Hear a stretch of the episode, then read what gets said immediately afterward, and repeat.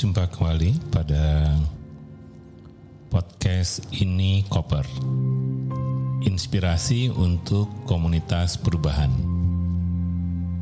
Sebuah podcast yang didedikasikan untuk berbagi berbagai keterampilan dan pengetahuan kaitannya dengan kawan-kawan di komunitas perubahan atau para change makers.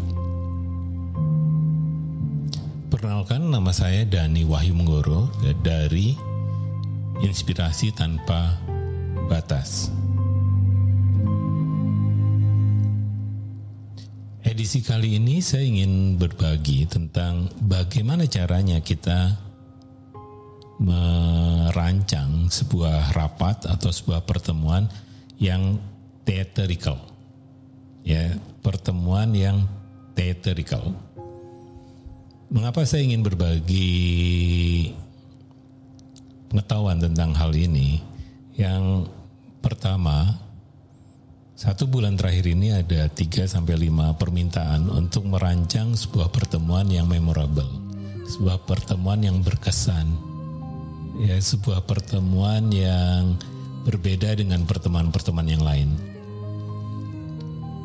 Nah, ciri dari pertemuan-pertemuan yang lain tadi, ya, pertama biasanya ya pembicaranya hanya para pimpinan atau para direktur atau para pejabat tinggi. Sehingga di dalam pertemuan yang besar yang berbicara ya hanya satu atau dua orang saja. Sehingga peserta biasanya hanya, hanya akan menjadi penonton. Yang kedua, format pertemuannya sendiri sebenarnya pertemuan yang sifatnya apa ya dari hasilnya itu harus dikontrol. Ya kadang apa yang diinginkan oleh para direktur ini itu adalah yang menjadi tujuan dari pertemuan. Jadi suara-suara dari peserta itu sangat jarang ditangkap sebagai input yang kemudian mempengaruhi tujuan atau hasil dari pertemuan. Dengan model pertemuan seperti ini, tentu pertemuan-pertemuan di dalam negara kepulauan yang besar ini itu mahal sekali. Ya transportasi, venue-nya, kemudian tempat menginapnya, semuanya menjadi sesuatu yang sangat-sangat mahal. Akibatnya di dalam masa-masa krisis seperti pandemi, contohnya, maka pertemuan-pertemuan seperti ini itu dibabat habis ya untuk dikurangi Bahkan pertemuan-pertemuan ini boleh dilakukan dengan syarat-syarat yang luar biasa.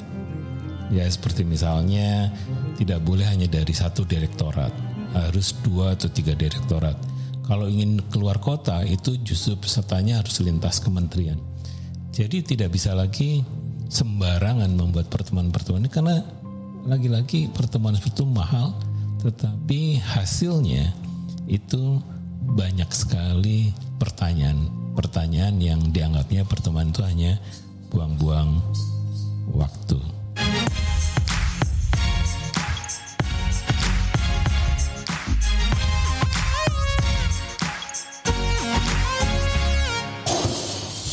Ya, jadi kalau demikian, bagaimana sebenarnya kalau kita ingin membuat sebuah pertemuan yang berbeda? Yang pertama, yang ingin saya sampaikan adalah apa yang membuat pertemuan itu berbeda? Sebenarnya kalau kita membayangkan sebuah pertemuan bukan untuk hanya bertukar pikiran. Ya tetapi juga bertukar rasa bertukar emosi bertukar apa ya pengalaman-pengalaman atau pengetahuan-pengetahuan yang sifatnya bukan juga tekstual tetapi imajinasi dan dan sebagainya.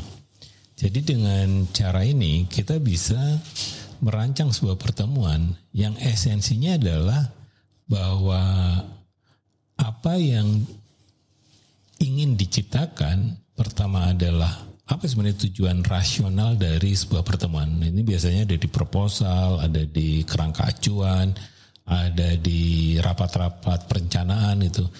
Hasilnya apa? Ini sangat penting karena banyak juga pertemuan tuh kadang tidak ada tujuannya juga. Ya hanya ingin menyampaikan sesuatu, tapi tujuannya sendiri tidak ada. Oleh karena itu banyak sekali pertemuan misalnya harusnya tiga hari hanya jadi satu hari. Harusnya tiga hari hanya satu setengah hari atau dua hari. Karena memang tidak ada tujuan yang tajam. Mengapa demikian? Karena tujuan bisa dirumuskan oleh sekelintir orang dan hasil pertemuan itu bisa diprediksikan.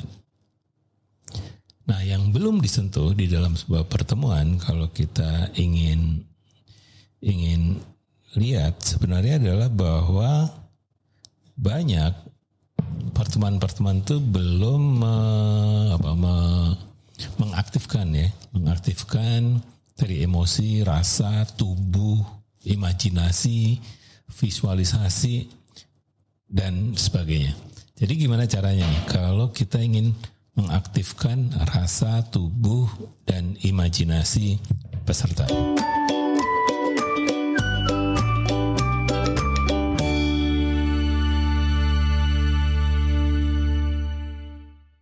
Ya sebenarnya mudah. Yang pertama yang ada satu gagasan ini 5K namanya. Ya K, huruf huruf K. Yang pertama kita harus mulai dari konteks. Konteksnya sebenarnya kita membicarakan tentang mengapa pertemuan ini dilakukan. Apa tujuan konkret terukur yang membuat pertemuan ini menjadi penting. Nah ini harus kita tanyakan kepada orang yang menyelenggarakan pertemuan. Kalau kita yang membuat ya kita sama pertanyaannya. Mengapa? Ya mengapa pertemuan ini penting saat ini?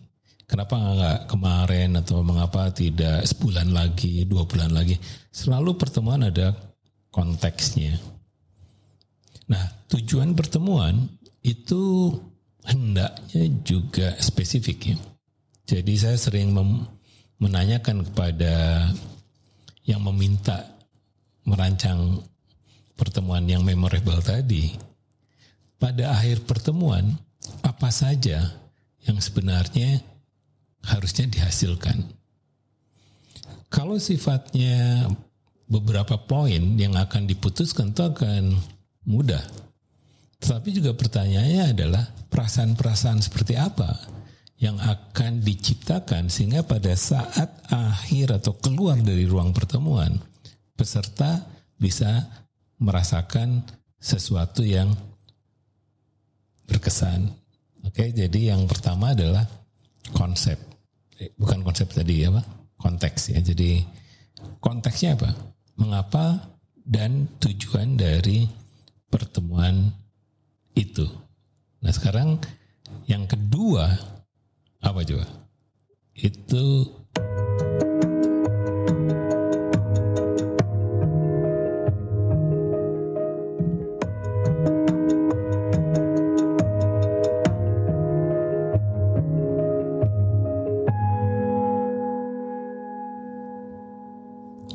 Nah, yang kedua adalah yang disebut konten. Ya. Konten ini adalah apa yang akan menjadi bahan percakapan dari pertemuan itu? Apa yang harus dibahas? Apa yang harus dipercakapkan? Apa yang harus dipertukarkan? Itu yang utama ya. Jadi apa yang harus dibahas? Nah, kalau sudah muncul, sudah disampaikan apa saja yang harus dibahas. Pertanyaan yang berikutnya yang penting dijawab di dalam membangun konten yang kuat ini adalah apa yang boleh dibahas. Kalau tadi kan harus ya. Nah ini yang boleh. Mengapa demikian? Karena kadang peserta juga membawa informasi dan pengetahuan yang berbeda dengan saat kita merancang sebuah pertemuan. Jadi selalu juga menanyakan ke panitia atau kepada apa panitia atau bisa steering committee atau atau pelaksananya adalah apa selain yang harus yang boleh dibahas.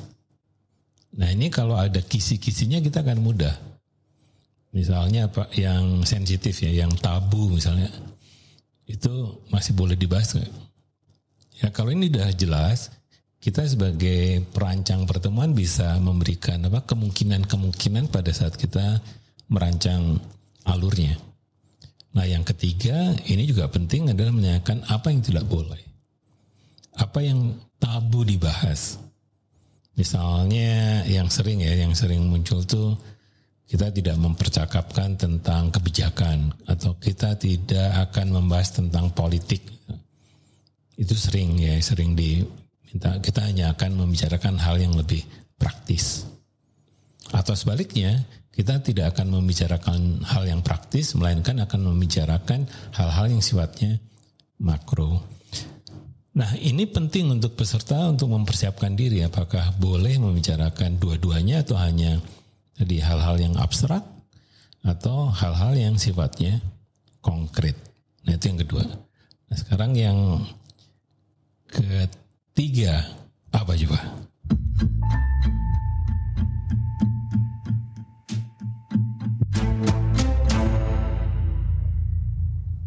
Oke, jadi yang di tahapan yang ketiga sebenarnya ini yang menjadi sangat menarik. Kita membicarakan tentang kontes.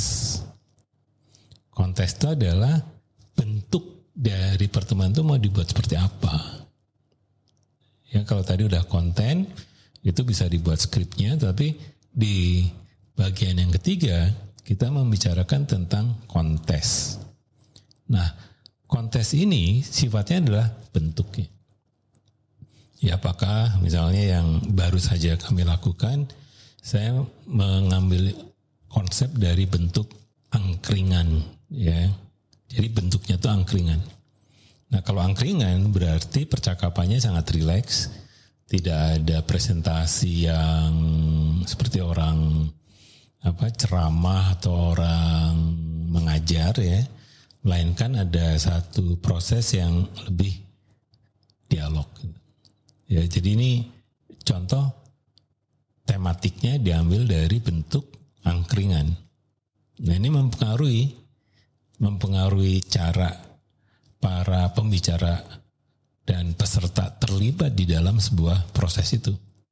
Siapa yang terlibat, bagaimana melibatkan semua peserta di dalam konsep angkringan ini, Ya, angkringannya hanya satu atau ada beberapa apa yang akan dipercakapkan di setiap angkringan yang berbeda-beda itu.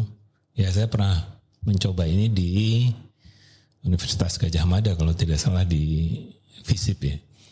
Itu untuk membicarakan tentang social inclusion. Ya, jadi kita sewa banyak banget angkringan dan itu ada tematiknya per angkringan bisa perangkringan dibatasi misalnya 10 atau 15 orang, kemudian di penjual angkringannya adalah narasumbernya. Itu satu konsep, satu konsep yang pernah dicoba.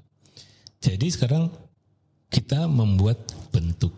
Nah, bentuk ini itu sebenarnya menjadi satu kesempatan ya bagi banyak orang untuk apa semacam mengeksplorasi mengeksplorasi kemungkinan-kemungkinannya. Pernah juga saya merancang menjadi sebuah kampung ya, kampung yang kumuh. Dan kemudian ada banyak banyak panggung, ya panggungnya tidak hanya satu, ada lima misalnya. Pernah juga membuat konsep yang gagasannya mirip sebuah ruko, ya. Nah, semua ini silakan dieksplorasi pada intinya adalah bentuknya seperti apa. Nah, di sinilah baru ada peluang untuk membicarakan tentang unsur-unsurnya ya, propertinya apa saja, kemudian kebutuhan fasilitatornya berapa dan dan sebagainya. Itu bisa di dibuat di di bagian yang ketiga ini. Oke, jadi yang pertama tadi konteks, yang kedua konten, ya. Kemudian yang ketiga sebenarnya adalah kontes. Nah, kemudian yang keempat apa?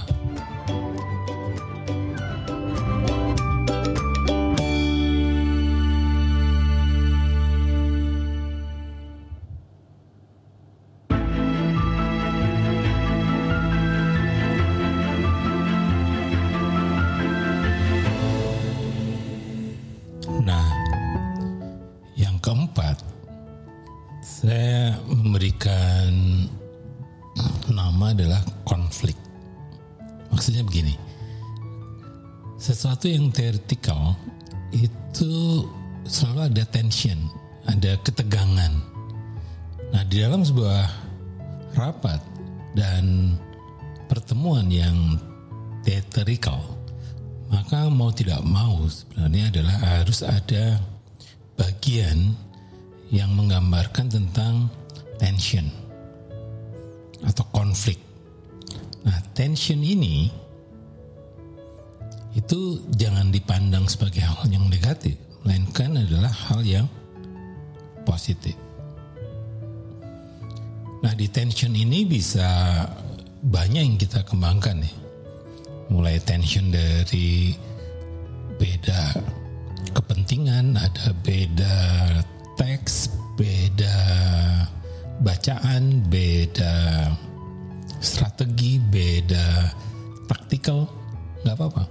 Jadi ini yang harus juga dikumpulkan di mana di dalam sebuah rapat itu yang kita buat memang ada tensionnya.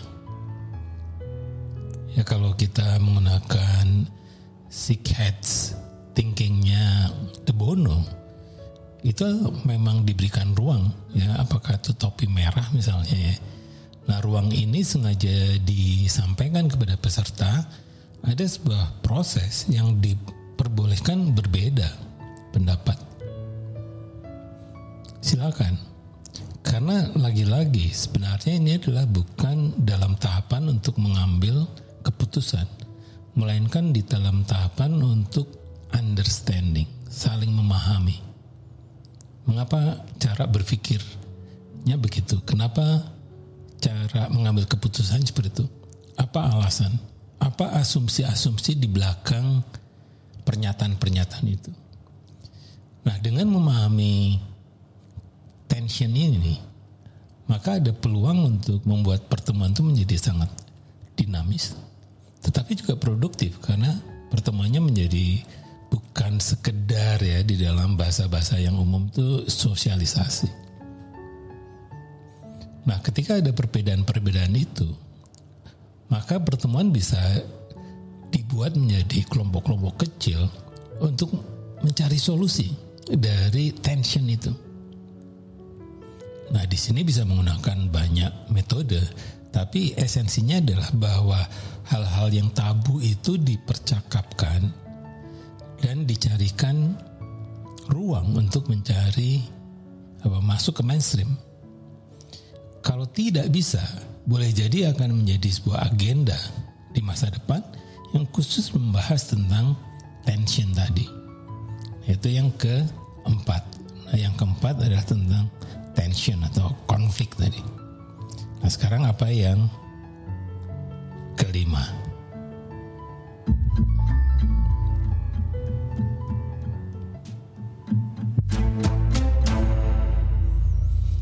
Oke. Nah, yang kelima adalah. Ya lebih praktis lagi. Kalau tadi ada kontes, ada konflik, sekarang kostum. Nah kadang pertemuan-pertemuan sangat membosankan ya. Biasanya diminta menggunakan batik gitu ya. Kemudian baju putih atau baju hitam atau dan dan sebagainya. Tapi sebenarnya bisa mengeksplorasi apa yang sebenarnya kostum yang bisa digunakan pada saat pertemuan kadang ini menjadi alat bantu yang menarik untuk membebaskan peserta itu menjadi dirinya sendiri sebenarnya. Jadi kalau dari pengalaman, misalnya kita di kampung gitu ya, pada pertemuan yang menggunakan pakaian-pakaian adat, itu kelihatan sekali bahwa masyarakat di desa itu keluar auranya, ya, energinya tuh keluar bukan sekedar angka gitu yang hadir pada sebuah pertemuan. Nah pertemuan itu sebenarnya bisa menggunakan kostum apa yang dipakai. Ya kadang-kadang bisa menggunakan tematik juga ya. Ya tematik tradisional, tematik kotak-kotak atau tematik warna atau tematik negara misalnya. Nah, di dalam pertemuan seperti ini, kuncinya adalah sebenarnya ini yang disebut focusing. Focusing itu maksudnya begini, kadang orang datang ke pertemuan itu tidak tahu kalau ada pertemuan seperti itu. Ya hanya hadir saja. Nah itu perlu dikondisikan. Dikondisikan itu dalam bentuk tadi. Gunakan kostum, misalnya pakai topi. Pasti akan terjadi percakapan. Topi untuk apa? Untuk sebuah pertemuan. Pertemuan apa? Nah itu sendiri sebenarnya membantu. Ya peserta sudah bisa fokus dua atau tiga hari sebelum acara dimulai. Paling tidak saya pernah juga di dalam sebuah pertemuan kemarin di kota Solo. Itu mereka menyandingkan dengan saya sebagai fasilitator adalah topinya. Tiba-tiba ada satu meja menggunakan topi yang sama dengan topi yang saya kenakan. Dan itu kemudian menjadi percakapan yang yang menarik. Ya kemarin juga sama kostum itu adalah kostum romantik. Jadi karena kebetulan pesertanya adalah couple, couple. Jadi bisa maju bersama dan kemudian kita lihat keserasian warna, keserasian tematnya. Itu mempengaruhi sebenarnya sebuah pertemuan menjadi bernyawa.